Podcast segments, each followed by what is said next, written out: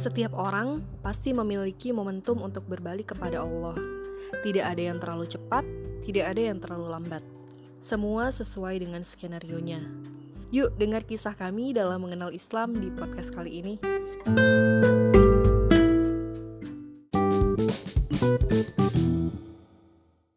Assalamualaikum warahmatullahi wabarakatuh. Waalaikumsalam warahmatullahi wabarakatuh. Kali ini kami bakal ngerekam episode yang spesial, durasinya juga nggak sepanjang yang biasanya. Hmm? Dan seperti yang udah disebutkan di awal, kami bakal share cerita tentang gimana kami bisa Hmm? kenal sama Islam. Nah, eh, langsung mulai aja dari siapa nih? Dari Antik ya? Jadi aku tuh pertama kali kenal sama Islam dulu dikenalin sama bapak. Maksudnya kayak kan kita tuh dari kecil dikasih tahu secara nggak langsung kan kalau agama yang kita peluk ini adalah agama Islam. Dulu itu pas ngetrennya sinetron RCTI yang ceritanya ada seorang tokoh yang namanya. Naila, Naila yang dia itu Ah. sakit sakit apa Oh ya? iya, tahu, tahu. Heeh. Oh iya tahu Iya. tahu tahu. Nah, Yang tapi dagunya berdarah-darah itu. Iya lagu. Heeh. Nah, aku sama mbakku tuh sampai hafal lagunya, sampai hafal apa dia beribadah ke mana gitu. Terus tapi kok beda ya sama ibadah yang biasanya bapak ibuku ajarin gitu kan. Terus akhirnya di situ kita tanya sebenarnya mereka itu agamanya apa sih atau kenapa kita berbeda gitu. Dan pas itu bapak jelasin sama ibu, oh ternyata agama yang kita peluk tuh Islam loh gitu. Dan mereka bukan gitu. Dan pas malamnya pas teraweh gitu tiba-tiba aku kepikiran bapak ibu bilang kayak gitu.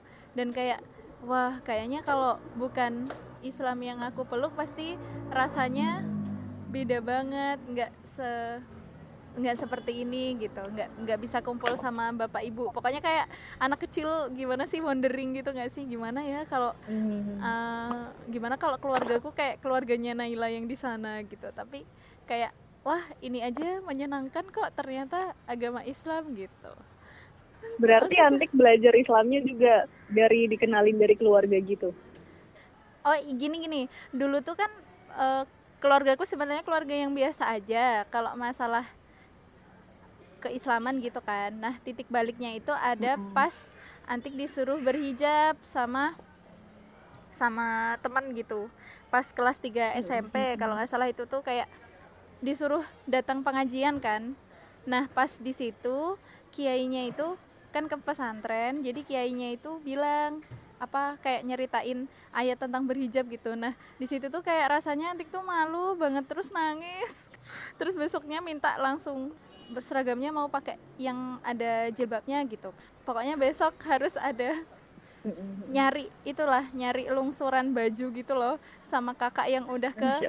SMA dari situ mulai belajar terus mulai ikut pengajiannya yang di pesantren yang tadi dengan kiai yang sama. Terus dikenalin dikenalin sama dunia-dunia inilah perislaman ini weh Masya begitu Allah. kakak Masya Allah. Eh, lanjut ke Kak Lego ya. Iya.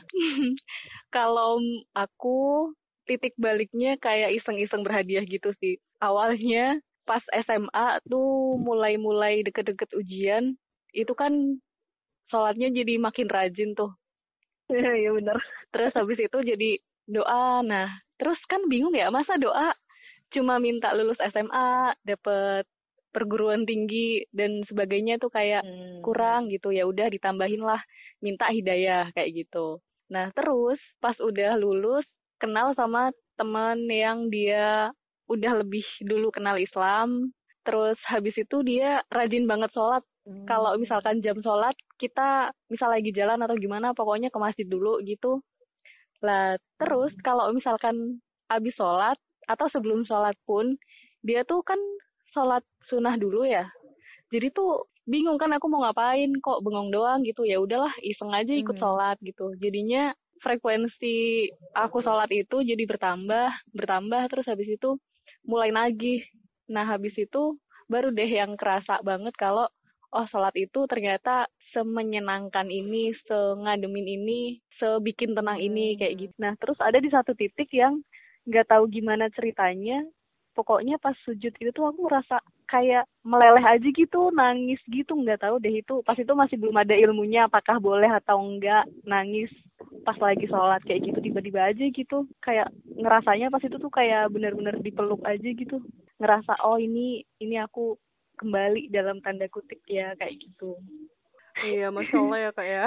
Tuh habis itu baru deh mulai yang belajar oh ternyata Islam tuh yang bener itu kayak gimana Berarti kakak pertama belajar Islam itu dari sholat ya? Iya. Kan Iya. Tadi kan udah cerita tentang jilbabnya ya, jadi mungkin Uh-uh. dilanjutin lagi aja kak. Kakak gimana sih proses pertama kali berhijabnya itu?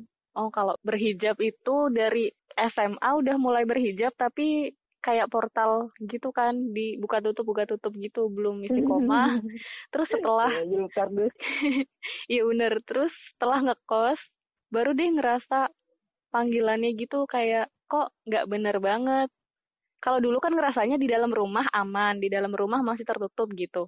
Jadi nggak gitu ngerasa kok beda banget kayak gini. Nah, sedangkan pas lagi ngekos itu kan kerasa banget kalau ini tuh udah bukan lingkunganku lagi. Terus kok masih buka tutup gini? Kayak jadi bingung sendiri batasan kapan harus buka, kapan harus tutup kayak gitu.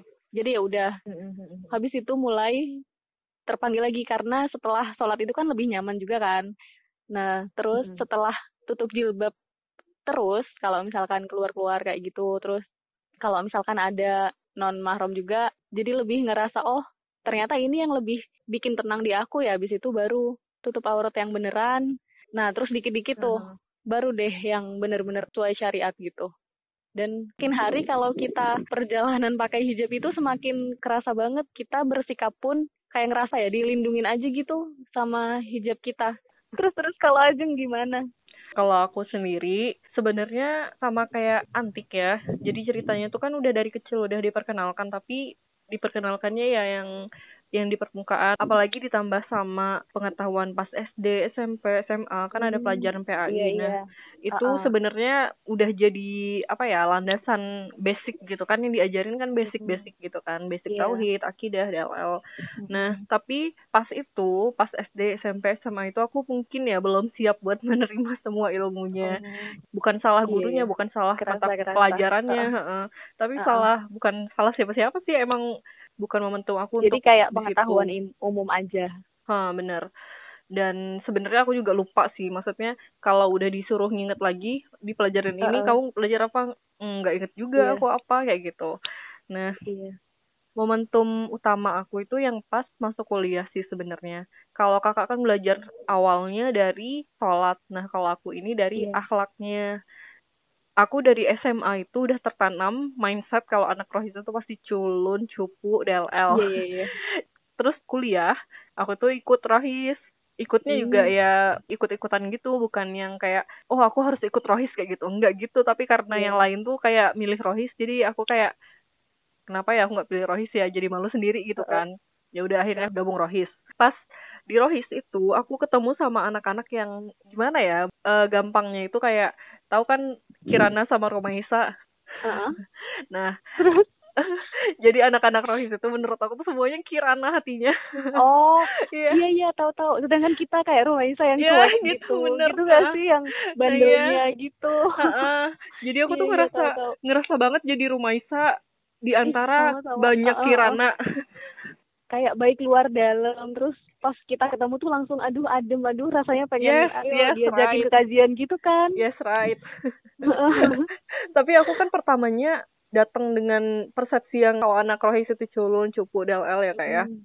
Jadi kan Kirana tuh suka bilang adik sayang kayak gitu. Nah sama juga aku tuh nggak masih belum terbiasa dengan kata-kata sayang Iya, iya, iya, kayak gitu. tahu, Kan tahu. anak-anak oh, oh. Anak-anak aku tuh kan suka ngomong iya iya cantik iya sayang kayak gitu kan terus aku tuh dalam hati pasti ngomong kenapa sih dia nih ngomongnya pakai cantik pakai sayang Eh. kayak gitu aku Eh. beneran Romaisa beneran iya iya, iya. antagonis terus pada Allah Allah yang mengizinkan hati aku buat melembut terus dibukakan pintu hati aku terus diperkenalkan dengan Islam jadi yang bisa bawa aku ke Islam ke kajian ke Hmm. ibadah-ibadah kayak gitu tuh karena akhlak yang ditunjukkan sama saudara-saudara aku di awal kayak gitu. Hmm. Wah, masya Allah. Ada lagi nggak? masalah hijab Heeh. Titik balik aku buat pakai hijab itu lucu banget sih sebenarnya ya. Jadi di SMP aku tuh upacaranya kalau cewek pakai jilbab nggak harus pakai topi. ya, ketebak ketebak. Iya ya. Iya. Jadi aku tuh pagi-pagi ya udah nyari-nyari topi nggak nggak ada kak ya Allah pagi-pagi itu ibuku udah sampai nyari. Terus kan biasanya kalau topinya hilang bisa beli di jalan itu ada toko yang jual topi. Heeh. Nah kebetulan tokonya itu lagi tutup ya Allah. Masya Allah. Jadi ya gimana pilihan lainnya tuh aku pakai jilbab kan. Heeh. aku udah nyiapin skenario-nya jadi kalau tokonya tutup aku udah bawa Mhm. jilbab nih di tas ya udah aku pakai tuh jilbab kan rencananya hari itu doang aku pakai terus besoknya dilepas terus kebetulan pas pelajaran hari itu ada ibu guru yang killer banget Mhm. jadi ibunya tuh lihat kan kok ada ini ada murid cewek kemarin minggu kemarin aku lihat dia pakai jilbab sekarang nggak pakai jilbab. Bukan aku itu Uh-uh. temenku Oh, kirain. enggak. Ya, terus? terus ibunya tuh langsung marah-marah. Kamu ini niat jilbabnya nggak dari hati ya? Kayak gitu. Terus aku takut kan? Aku takut dikenali sebagai kayak gitu lagi. Jadi keterusan habis itu.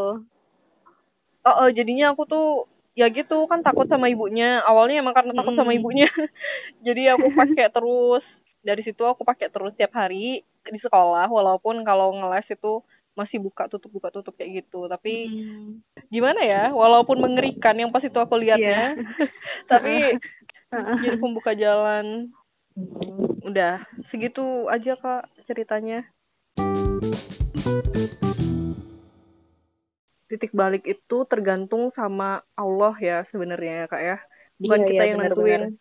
karena yang Benar. udah nentuin yang nentuin siap enggaknya kita tuh Allah tapi bukan alasan kita buat eh diem aja karena bisa jadi yang pas denger podcast ini nih ada yang sebenarnya momentum eh Masya Allah semoga iya kan ya. siapa siapa tahu kan Iya benar-benar Iya. sih. heeh.